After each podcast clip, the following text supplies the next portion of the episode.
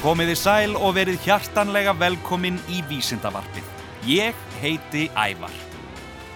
Þessa dagana er ég að vinna að vefsíðu um mengun sjávar á samt Byrnu Sigrunu Hallstóttur, umhverfisverkfræðing. Vefsíðan er ekki enn til en mig langar til að segja ykkur örlítið frá henni og þá sérstaklega hlutanum sem kemur að rustli í sjónum. Tekstinn sem við munum heyra núna næstu mínuturnar er eftir Byrnu Sigrunu. Við skulum fá sjávarstemmingu. Gríðarlega mikið magn af sorpi hefur borist í sjóin í gegnum tíðina og um tíma var miklu magni hent í sjóin viljandi. Sjómenn hendur rusli fyrir borð. Farið var með úrgang út á sjó og honum varpað í hafið. Þetta var og er enn gert við diffkunarefni en var hér áður jafnvel gert við hættulegan úrgang eins og geislavirkan úrgang, leifar af efnavopnum og sprengjur. Í ágúst árið 2013 var til að mynda í fréttum að fresta þurfti gangsetningu vindorkuvers sem staðsett er í Norðursjó skamt undan ströndum Þískalands vegna þess að ósprungnar sprengjur frá síðar í heimstyröldinni var að finna á sjávarbotninum. Takk fyrir kjærlega. Einni var fljótandi yðnaðar úrgangur brendur um borð í skipum og öskunni sturtað í sjóin. Lengi tekur sjórin við, var alltaf sagt. Eða hvað? Lengi viðgegst að líta á varp í sjóin sem leið til að losa sig við ruslið, en nú vitum við betur. Ruslinu skólar á strendur og kemst jafnvel í fæðukeðjuna. Upp úr 1970 voru gerðir alþjóðasamningar sem bönnuðu varp í sjóin og hafa reglur verið hertar með tímanum. Áhyggjur af plasti í sjónum fara vaksandi á heimsvísu en það hefur komið í ljós að megin hluti þess rusts sem er að finna í sjónum er plast. Plastinu í sjónum fylgja ímis vandkvæði. Plastið getur valdið köpnun og komist í maga dýra. Aukaefni sem blandað er í plastið við framleiðsluna til að ná fram ákveðnum eiginleikum eins og til dæmis míkingarefni og efni til að herða plast og fleira geta haft slæm áhrif og eins geta eitruð efnasambönd sem er að finna í sjónum vegna aðtapnamanna ásogast á plastagnir. Er þar um að ræða efni eins og PCB, DDT, pláueiða og eldvarnarefni. Smádýr og fiskar innbyrða plastagnirnar og þannig eiga þessi hættulegu efni greiðaleið inn í fæðukeðjuna og geta á endanum lent á disknum okkar.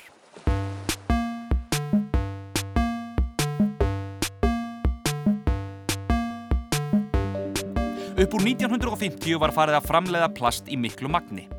Til þæginda fyrir fólk var farið að gera allskynns umbúðir og bæði fjölnota og einnota hluti úr plasti. Plast er notað í allskynns vörur sem sé umbúðir, einnota borðbúnað, veiðarfæri, húsgögn, læknavörur og svona mættir lengi telja. Plast er framleitt úr ólíu og er um 5-8% af unninni ólíu í heiminum notu til þess að framleiða plastefni. Fyrst er ólíunni dælt upp og hún flutt í ólíu hreinsistöð. Þar eru mismunandi afurðir unnar úr ólíunni. Ein af þessum afurðum er nafta sem er mikilvægasta hráefnið í plastframleiðslu. Fyrst eru búnar til einliður og úr þeim fjölliður. Einliður eru efnasambönd sem geta bundist öðrum samskonar efnasamböndum og myndað fjölliður sem eru mjög langar keðjur. Hver fjölliða hefur sína eiginleika, byggingu og stærð eftir því hvaða einliður eru notaðar við gerðera. Fjölliðunum er svo blandað saman og oftast gerðar úr þeim litlar perlur en stundum líka duft, deig eða vögvi. Perlurnar eru fluttar í verksmiðjur þar sem þær eru brættar, í blöndunar efnum bætt við og plastið mótað í ætlað form. Til þess að ná fram ákveðnum eiginleikum er ímsum efnum blandað í plastið. Sum þessara efna eru hættuleg heilsokkar. Þetta eru efni eins og til dæmis BPA sem er sett í ímsar plastvörur til að gera plastið mígra og mótanlegra. Síðan eru vörurnar fluttar til notanda, okkar, sem stundum notaða er bara í nokkra mínútur og henda þeim svo í ruslið. Sumar vörur eru þó gerðar til þess að endast í lengri tíma, eins og til dæmis húsgögn. Stærsti hluti plastframlegslunar eru allskynns umbúðir. Árlega eru framleitt og haldið ykkur nú fast um 50 miljónir tonna af plasti í Evrópu. Næri helmingur þess magns, eða um 25 miljónir tonna, falla til sem plastúrgangur árlega, að langmestu leiti umbúða úrgangur. Af þessum úrgangi ferum fjórðungur í endurvinnslu. Þriðjungur er brendur í sorpbrennslu og nýttur til að framlega ramagn og hita og um það byrð þriðjungur af öllu plasti í Evrópu er einnota. Frá árinu 1950 hefur framleiðsla plasts aukist með hverju árinu. Árið 2015 voru framleitt meira en 300 miljónir tonna af plasti. Talið er að á hverju ári lendu um 8-10 miljónir tonna eða um 3% af ársframleiðslu af plasti í sjónum. Það jafngildir næri 300 kílóum á hverju einustu sekundu. Og þarna komu önnur 300 kíló. Og þarna komu önnur 300 kíló. Samtals hafa frá upphafi verið framleitt meira en 7000 miljónir tonna af plasti. Þetta eru svakalegar tölur. Þar sem það tekur plast óra langan tíma að brotna niður má gera ráð fyrir því að stærsti hlutin af þessu plasti sé enn til staðar. Ef gert er ráð fyrir að árlega hafi 3% af plastframleiðslunni lent í sjónum gætu um 200 miljónir tonna af plasti hafa lent í sjónum. Stóran hluta af þessu plasti er enn að finna emitt í sjónum þar sem það tekur svo langan tíma fyrir plastið að brotna niður. Hluta hefur rekið aftur á strendur og margar strendur eru mikið mengaðar af plasti en víða er plastúrgangur reglulega hreinsaður af ströndinni með tilhærandi fyrirhöfn og kostnaði. Bandaríska haf- og loftslagsstofnunin NOAA telur að minnstakosti 100 miljónir tonna af plastúrgangi sé að finna í höfunum. Bandaríska stopnunin Five Years hefur áallat að í sjónum sé að finna meira en 5 triljónir plastagna. Það eru þó nokkrar plastagnir. Því hefur verið spáð að með sama áframhaldi árið 2050 verði meira af plasti en fiski í sjónum sé miða við þyngd. Plastið sem hafnar í sjónum hefur allskins óæskileg áhrif á lífríkið. Í fyrsta lagi þá geta dýr flækst í plastinu. Einni geta þau innbyrt plastið, getið það. Plastið sem sekkur til bots getur kæft botgróður og plastið sem flýtur um við yfirborð eða undir yfirborði getur valdið því að sólarljósið kemst stittra sem hefur svo áhrif á plöntur, þörunga og dýr sem nýta ljósið til vakstar og viðhalds. Og nú ætlum ég að segja ykkur örstutta æfisögu. Æfisögu skjaldbökunar May West. Hún fannst árið 2000 í skurði í New Orleans í Bandaríkjónum. Sem ungi hafði hún fyrir slistni gengið inn í plastring af mjölkurflösku og því kannist öruglega við þessa plastringi þeir eru líka stundum utan um gósdósir hérna heima. Ringurinn hafði fest sig við skelina og þegar skjálpakan stækkaði þá gat hún ekki broti þetta plastbelti sem var núna fast utan um mittið á henni. Skelin á auðmikið skjálpugunni er svo varanlega afmynduð og lætur skjálpuguna að líta út fyrir að vera með ofurmjótt mitti. Hún verður svona saman í miðjunni og briss svo út sitt hverju megin. Skjálpakan fekk nafnið May West í höfuðið á bandarískri leikonu sem var fræg fyrir sitt mjóa mitti, May West. Skjálpakan býr nú á Star Echo Station, dýrasafni í Los Angeles í bandaríkjunum, þar sem hún er til sínis fyrir gesti og gangandi, þannig að fólk átti sig á hættunni sem plast hefur í umhverfi okkar. Og þá veitum við það. Vefsíðan Mengun sjávar er ekki enn tilbúin en hægt verður að finna hana haustið 2017 og munum verða bæði í bóði fyrir grunnskólanemundur sem og fólk í framhaldsskóla og auðvitað bara alla sem hafa áhuga á Mengun sjávar. En skoðum nánar hvernig plast verður eiginlega til. Við skulum heimsækja vísindavefin. Hvernig verður plast til? Í sem styrstum máli má svara spurningunni sem svo að plast verði til af manna völdum, því plast fyrirfinnst hvergi í náttúrunni. Þegar jarðólja er hreinsuð eins og við vorum að tala um áðan og unnin myndast ýmsar smáar og kvarfgjarnar gassameindir, en kvarfgjarnar kallast þær sameindir sem kvarfast til tölulega auðveldlega við aðrar og mynda nýjar sameindir. Með því að sapna þessum sameindum saman, stilla aðstæður rétt og blanda við lítið magn kvataefnis, má fá slíkar litlar sameindir til að kvarfast saman í langar keðjusameindir, svonemdar fjölliður sem við myndust emitt á áðan. Fjölliðurnar þar geta verið einfaldar línulegar keðjur eða greins sundur og myndað samsettar keðjur. Slík mismunandi form fjölliðu keðjana hafa áhrif á eiginleika plastefnisins, en myndun þeirra má stjórna með aðstæðum við plastframleysluna. Fyrr á öldinni Þegar plastefnin voru tiltölulega ný af nálinni voru þau álitin hinn mestu undraefni og vissulega hafaðu mikil áhrif á okkur nánasta umhverfi þar sem við klæðumst plastefnum og notum plast í ílát, húsgögn og málingu, svo fátt eitt sitt halið. En plast er ekki bara gott eins og við höfum talað um. Bæði leka ímis mýkingarefni sem oft er bætt í plast smá saman úr því og þá getur plastið orðið stökt og viðkvæmt og einnig taka sum plastefni í sig ímis óhrínindi með tíð og tíma. Óvíst er því hvort að mikið af plastmunum muni verða til sínis á fornminjasöpnum eftir þúsund ár. Skoðum fleiri spurningar um plast af vísindavefnum. Hér er til dæmis spurt af hverju má henda pappakassa í sjóin en ekki plastbrúsa. Þetta var allt búið til úr náttúrunni. Svarið er þetta. Pappir er í grundvallaratriðum umhverfisvætni en plast og er skýringana að leita í efnafræði. Pappir er gerður úr örfínum þráðum, yfirleitt úr cellulósa sem er bundin saman með vettnistengjum. Cellulósi er náttúrulegt efni sem brotnar auðveldlega niður. Allur pappir á það sameinlegt að vera unnin úr trjám. Víða í Evrópu er stunduð sjálfbær skórækt þar sem nýjum trjám er plantað í stað þeirra sem fara í pappirsvinnslu. Skóurinn er þannig endur nýjanleg auðlind. En ekki er allur pappir jafn umhverfisvæn. Bleiktur pappír er yfirleitt vestur þar sem klórsambönd eru oft notuð við framleiðsluhans. Hins vegar er algengt að hægt sé að fá óbleiktan eða endurunin pappír sem eru mun umhverfisvætni. Það getur tekið plastflöskur ára tugi að eigðast í náttúrunni. Flest plastefni brotna mjög lítið niður í náttúrunni en þau eigðast á mjög löngum tíma fyrir áhrif sólarljós. Þannig geta plastflöskur og plastbrúsar flotið um heimsins höf í áratugi áður en þau eigðast.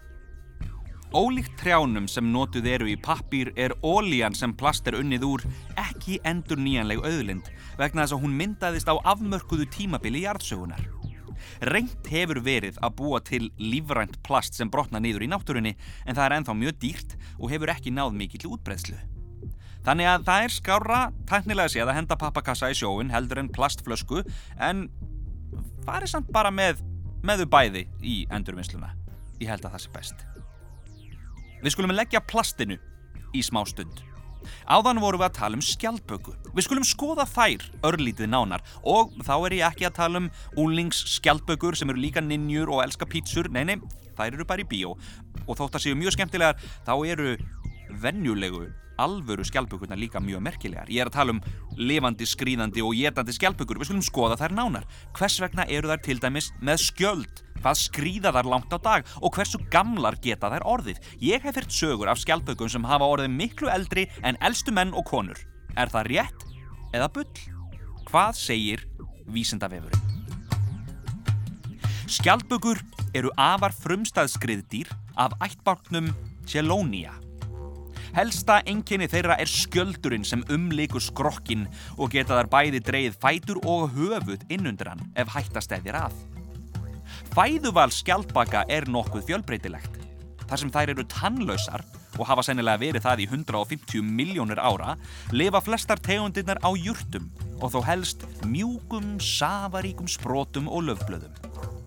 Þó eru til nokkrar tegundir landskjaldbaka sem geta önnur dýr Kunnust þeirra er tegund sem á heimkynni sín í Suðuríkjum bandaríkjana og nefnist á ennsku Giant Alligator Snapping Turtle en eh, höfundir svarsins er því miður ekki kunnugt um Íslandst heiti skjálpugunar.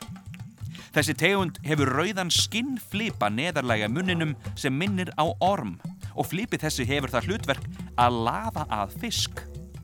Skjálpakan hún liggur þá hreyfingarlaus með opin munnin en þegar fiskur lætur gappast og syndir í munninar þá skellur hún skoltinum snögt og hremmir þannig bráðina.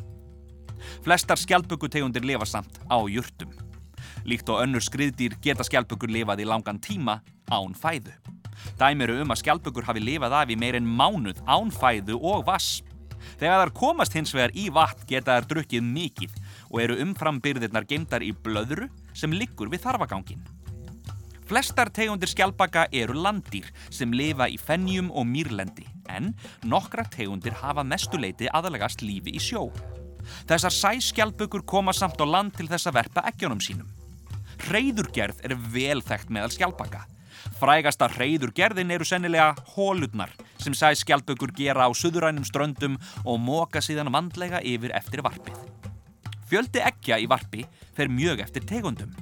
Stærstu sæ skjaldbökurnar geta verðt alltaf því 200 eggjum en margar tegundir landskjaldbaka verpa aðeins einu eggi. Klaktímin er mislangur eftir tegundum en er einnig háður utan að komandi þáttum eins og hitastígi. Þegar eggsæ skjaldbaka klekjast út þurfa ungarnir að krafsa sig upp á yfirborðið og skrýða til sjávar. Þetta ferðalag er vægasagt hættulegt því um þá situr fjöldi fuggla og smærri rándýra sem týna þá upp og geta. Þeir fái sem ná til sjávar úr þessari hættuför þurfa svo að komast undan fiskonum sem býða þeirra undan ströndinni. Skinnjun skjaldbaka á umhverfi sínu hefur ekki verið mikið rannsökuð en þær rannsóknir sem til eru benda til þess að skjaldbökur virðast aðalega styðjast við lyktarskinn. Sjónskinnjun er þó einnig nokkuð vel þróuð og þó sérstaklega skinnjun lita. Skjaldbökur bregðast klárlega við bylgjum í vatni. Rannsóknir benda jafnfram til þess að þær hafi ágæta heyrn og sérstaklega við lágatíðni. Rannsóknir á greint skjaldbaka hafa sínt að þær hafa nokkuð góða námshæfileika af skriðdýrum að vera og á mörgum sviðum áþekkar tilraunaróttum. Mörgum þykir þó ekki mikið til greindar þeirra koma, til dæmis þegar það reyna hvað eftir annað að komast yfir háa hindrun í staðin fyrir að fara bara fram hjá henni. Þó að talsvert vandi af steingerfingum til þess að fá heilstaða mynd af þróun skjálpaka, þá er steingerfingasaga þeirra nokkuð betri en flestra annara hópa hryggdýra. Á meðju tríastímabilinu, fyrir um það bil, ja, ja, 200 miljón árum, verða skjálpökur hafa verið tilturlega algengar í fánunni og heiði dæmigerða líkamsform þeirra komið fram. Einstaka tegundir voru tentar en þegar framleiðu stundir hurfu þessar tennur. Á meðan sumir hópar skriðdýra blómstruðu fyrir miljónum ára en hurfu síðan og aðrir hafa átt sitt blómaskeið á nýlífsöld þá verða skjálpugunnar hafa haldið sínu striki í meira en 200 miljónir ára og breyst afar lítið í grunn líkamsbyggingu. En hversu langt skrýða skjálpugur á dag? Því miður hefur ekki tekist að finna fyllilega viðunandi svar við spurningunni en henni verða þó gerð einhver skil hér og eftir. Í heiminum lifa nú rúmlega 200 tegundir af skjálpugum. Misstórar, missfljótar. Sumar sind í sjó, koma aðeins að landi til að verpa, aðrar er í ám og vötnum, ganga líka á land og loks lifa margar tegundir einungis á þurru landi. Hægfara landskjálpökur hafa mælst skrýða um 200 til 500 metra á klukkustund. Það er ekkit svakalega langt en það er samt nokkuð gott. Mesti mældi hraði skjálpugu á landi er um 1,7 eh, km á klukkustund og það var reyndar vass skjálpaka. En skjálpugur eru yfirleitt aðeins á ferli skamman tíma á sólarhing. Og auk þess er óvíst að þær haldi sömu stefnu og sama hraða allan tíman.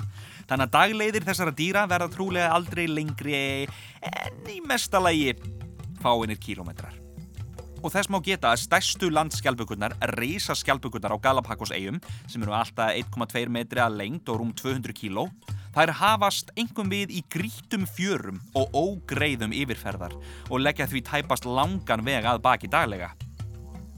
En hvað með sæskjálpugunnar? Jú, sumar þeirra synda langar leiðir millir heimasvæða sinna úthafinu og strandana þar sem þær verpa. Einn syndi næri því 500 km á tíu dögum. Það er mjög gott. Meðal dagleiðin hefur því verið um 50 km en gera maður ráð fyrir því að skeppnan hafi komist lengra á einum degi en öðrum. Stærsta skjálpaka heims, leðurskjálpakan, takk fyrir kjælega, getur orðið um eða yfir 2 metra laung og alltaf 700 kíló. Hún lifir í heitum höfum og einn þeirra fannst dauð á reki á Stengrimsfyrði árið 1963. Afsteipa af henni er í síningasal Náttúrufræðistofnunar Íslands. Og lokum Af hverju eru skjálpökur með skjöld? Jú, skjálpökur hafa skjöld til að verjast hugsanlegum afræningum eða dýrum sem ætla að geta þær. Skjálpökur eru hægfara, það hefur komið fram og geta ekki hlaupið undan rándýrum og því hafa þar þróa með sér skjöld sem rándýr eiga afar erfitt með að vinna á. Skjöldurinn er í raun hluti af beinagrind skjálpökunar og samanstendur af 59 til 61 beini. Og þá veitum við það. Þættinum er lokið. Ég vil þakka Vísendavef Háskóla Íslands, vísendavefur.is og minna á vefsíðu þáttarins krakkarúf.is skástrygg ævar. Þetta er ævar vísendamæður, yfir og